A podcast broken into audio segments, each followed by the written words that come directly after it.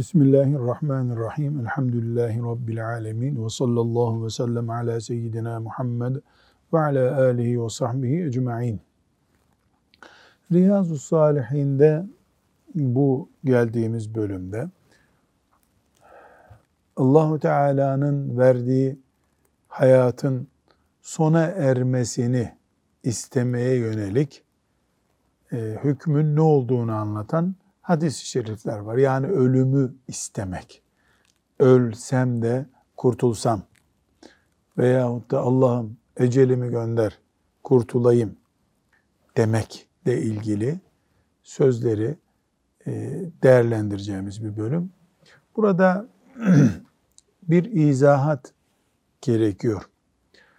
Müslüman bu dünyada 10 saniye daha fazla yaşasa aklı başında olarak o 10 saniyede bir kere Allahu Ekber dese o onun için hesap edilemez bir kazanç olur.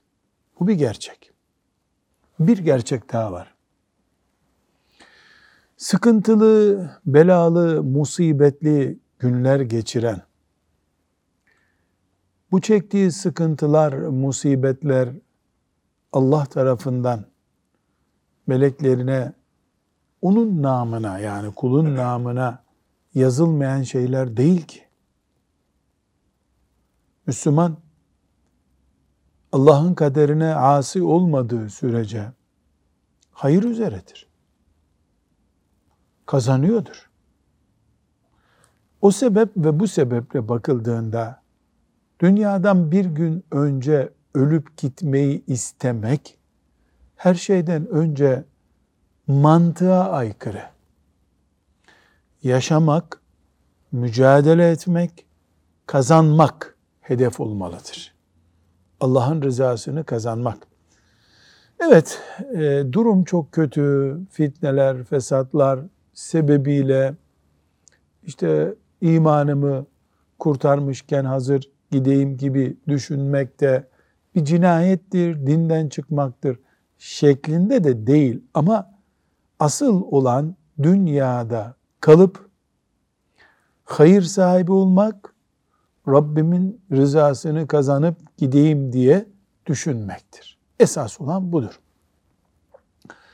Bu mantığı Efendimiz sallallahu aleyhi ve sellem ashabına öğretti. Şimdi bu öğretilmiş gerçeği hadisi şeriflerden dinleyelim. İnşallah Teala biz de bu şekilde istifade etmiş oluruz. Evet Hafız Efendi 586. hadisi şerifi okuyoruz. Ebu Hureyre radıyallahu anh'ten rivayet edildiğine göre Resulullah sallallahu aleyhi ve sellem şöyle buyurdu. Hiçbiriniz ölmeyi istemesin. Zira ölmeyi isteyen kimse eğer iyi biri ise belki daha çok hayır ve iyilik yapar. Şayet kötü biri ise olabilir ki tövbe edip Allah'ın rızasını kazanmaya çalışır. Evet. Müslim'in Ebu Hureyre radıyallahu anh'ten bir başka rivayetine göre Resulullah sallallahu aleyhi ve sellem şöyle buyurdu. Hiçbiriniz ölmeyi istemesin. Ölüm kendiliğinden gelmeden önce de öleyim diye dua etmesin. İnsan ölünce hiçbir iyilik yapamaz. Müminin hayatta kalması iyiliklerini çoğaltır. Bir hadis 87. hadis-i şerifi de okuyalım. Enes radıyallahu anh'ten rivayet edildiğine göre Resulullah sallallahu aleyhi ve sellem şöyle buyurdu. Başa gelen bir sıkıntı sebebiyle hiçbiriniz ölmeyi istemesin. Eğer ölümü istemek zorunda kalırsa şöyle desin. Allah'ım Yaşamak benim için hayırlı olduğu sürece hayat ver. Ölmek benim için daha hayırlı olduğu zaman canımı al.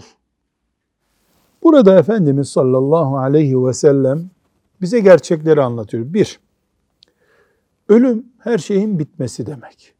Sevap ihtimalin yok. Bu ihtimali yani sevap kazanma ihtimalini niye kapatıyorsun? Sevap kazanman devam ediyor. Günahkarsan bile tövbe kapısı hala açık. Ölünce de tövbe kapısı da kapanacak. Dolayısıyla Allah'tan hayır murad etmek lazım. Rabbim Bana hayır olanı ver. Eğer öleceksem, imanımla kurtulup gideceksem onu dilerim. Eğer kalmak benim için daha hayırlıysa hayatta onu ver. Kalayım, sana kulluğa devam edeyim diye düşünmeyi tavsiye buyuruyor sallallahu aleyhi ve sellem Efendimiz. Burada yalnız bu hadisi şerifle beraber halk içinde hayırlısı Allah'tan, hayırlısı, hayırlısı diye bir söz var. Bu o değil ama. O hayırlısı yani içinden çıkamadım, hayırlı diyeyim gitsin der gibi yuvarlanmış bir kelime o. Gerçekten hayır sen biliyorsun ya Rabbi, hayır hangisi bunun? Ben bilmiyorum. Hırli var ya istihare duasında, hayırlısını bana seç.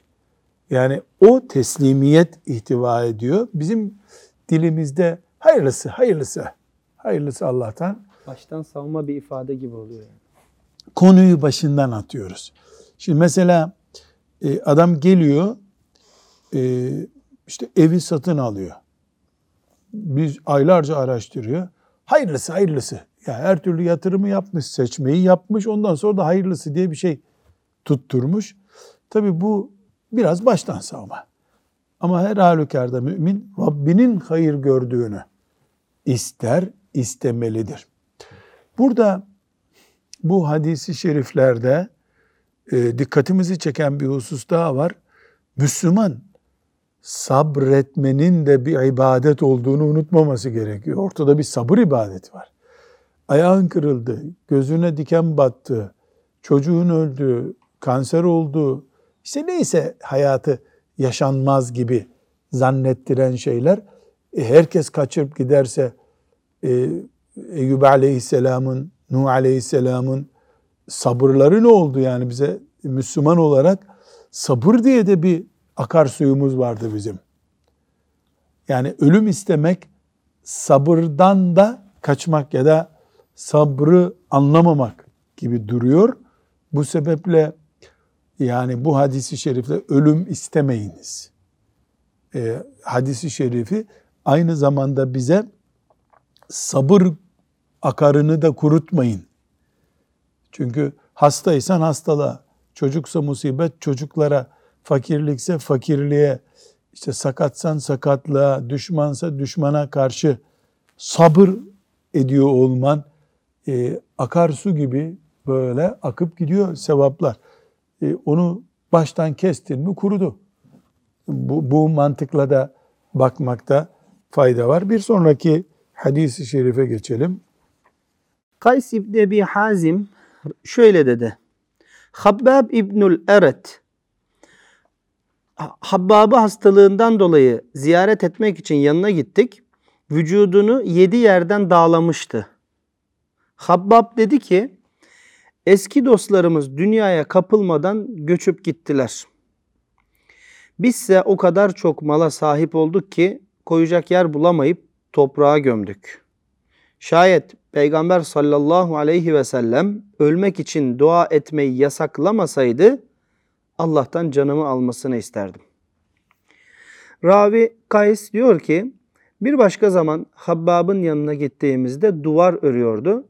Bize şunları söyledi. Müslüman Allah için harcadığı her şeyden sevap kazanır.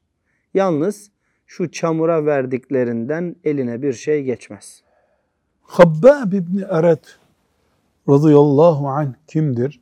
Bilal'le beraber Mekke-i Mükerreme'de iken eziyet gören sahabilerden. Ne diyor? Yedi yerinde dağlama vardı. Yani ateşle yakılmış. Mekke günlerinden kalma. Dolayısıyla bir İslam hatırası, bedelini dünyada ödediği Müslümanlık hatıraları var Habbab'ın. Allah yolunda Muhammed Aleyhisselam'ın yanında ilk duran delikanlılardan olduğu için dağlanmış bedenin sahibi. Radıyallahu anh. Öyle bir sahabi e, gün geliyor, İslam devleti oluyor, e, onun da malı oluyor, zengin oluyor, hasta diye ziyaretine gidilmiş. Şimdi öyle bir insan vücudu delik deşik denir ya vücudu delik, delik deşik Allah yolunda Ebu Cehil'in işkencelerine, Übey ibn Halef'in işkencelerine uğramış bir insan o nimetleri daha sonra zengin olunca gördüğü nimetleri zarar ziyan gibi algılıyor. Ravi ne diyor? Ee, hasta diye ziyaretine gittik diyor. Ee, o esnada duvar örüyor mesela. O ördüğü duvarı bahçesinin duvarını örüyor mesela. Çamura yapılmış yatırım gibi görüyor. Burada e, hasta ziyaretiyle başlamış bir olay var. Hasta ziyaretinin ne kadar önemli olduğunu bu hadisi şerif öğretiyor bize. Sahabe birbirinin e, ziyaretine gidiyorlarmış. Ayrıca e, Allah yolunda eziyetlere katlanmış ve buna Peygamber aleyhisselam şahit olmuş. On binlerce sahabi şahit olmuş bir Müslüman, bir sahabi hangi tefekkür içinde? Biz mesela e, diyelim ki işte çocukken benim okul çantam yoktu benim mesela. Doğru dürüst ayakkabım yoktu. Şimdi onları öyle bir anlatıyorum ki dinleyen de zanneder ya Uhud'un bütün eziyetlerini ben çektim. Yani öyle zaman Hendek'teki bütün masraflar bana aitti. Neler çektik biz? yani Abu Sari insanın gülmekten başka bir çare yok. Neler çektik bir bilsen var ya neler. Ne çektin? Arkadaşlarının okul çantası vardı da senin yoktu. Ne büyük eziyet. Ya sırtında, göğsünde demirle, kızgın demirle dövülmüş yara izleri olan bir sahabi ne diyor? Şu ifade ne kadar tatlı ya. Eski dostlarımız dünyaya kapılmadan göçüp gittiler. Biz ise çok mal bulduk diyor. Bulduğu mal nedir? Yani gülmekten çatlarsın. Bir çuval hurması olmuş da 20 kilo buzdolabı da olmadığı için onu toprağa gömmüş bozulmasın diye servetler zannedersin yani tır dolusu altın toprağa gömmüş gibi arkadaşlar kazanıp gittiler diyor. Arkadaş dediği kim? Musab radıyallahu anh. Hep ona kıskanıyor. Herkes ona kıskanıyor. Şimdi e, ibretlik bir konu bu. Yani demek ki büyük düşündün mü allah Teala'nın en büyük kulu olsam bile yani en iyi kulu olsam bile e, nefsini hor görüyorsun. Ama himmeti düşük, e, anlayışı basit oldu mu insanın işte okulda çantamız yoktu neler çektik biz diye güya yani okula yürüyerek gittik biz. E, madem çok ölümcüldü çektiklerin nasıl 60 yaşına geldin? Demek ki ölümcül şeyler değilmiş onlar. E nasıl 80 yaşındasın şimdi? Niye ölmedin o zaman? Sana göre eziyet niye? 200 metrelik mesafeye bile çocuklar okul servisiyle gidiyorlar. Öyle bir zamana geldik. Sen de günde 2 kilometre yürüyormuşsun çamurda. E ne? Ama bak sen daha sağlamsın o çocuklardan. Demek ki allah Teala birine bir armut veriyor, öbürüne elma veriyor. Kime elma verdiyse o armudu özlüyor. Kime de armut verdiyse o elmayı özlüyor. Bu hayat böyle bir imtihan. Evet bu bölümü de okumuş olduk. Allah ashab-ı kiramdan razı olsun. Bu tatlı hatıraları bize naklettiler. Hocam e, bu hadis-i şerifte geçen Habbab İbni Eret radıyallahu anh vücudunu yedi yerden dağlamıştı. O, o zaman da bir tedavi yöntemiydi herhalde. Hayır e, o manaya da geliyor da Habbab e, eziyetli biriydi. Ama dağlama var. Şimdi de var. Yani tıp şimdi bunu teknik yolla yapıyor. Yani Lazerle anlamadığımız bir iş tıp ama mesela büyük damarlar hariç e, yaraları bir tür yakarak iyileştiriyorlar.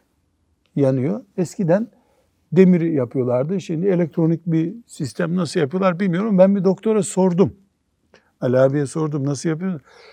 Bir tür yakmadı ama dedi elektronik bir şeyle oluyor. Yani yara çabuk iyileşsin diye. Sadece çok büyük atar toplar, toplar damar dikiliyor herhalde. Yani nasıl olduğunu bildiğimiz bir şey değil. Bu kendisi de daha zaten Habbab'ın mesleği nedir? demirci.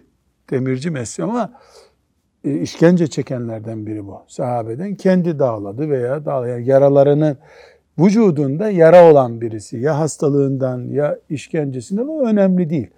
Onun o Allah için çektiği şeylere bakış tarzı çok önemli. Rabbim şefaatlerine ermeyi nasip etsin. Ve sallallahu ve sellem ala seyyidina Muhammed ve ala alihi ve sahbihi ecma'in. Velhamdülillahi Rabbil alemin.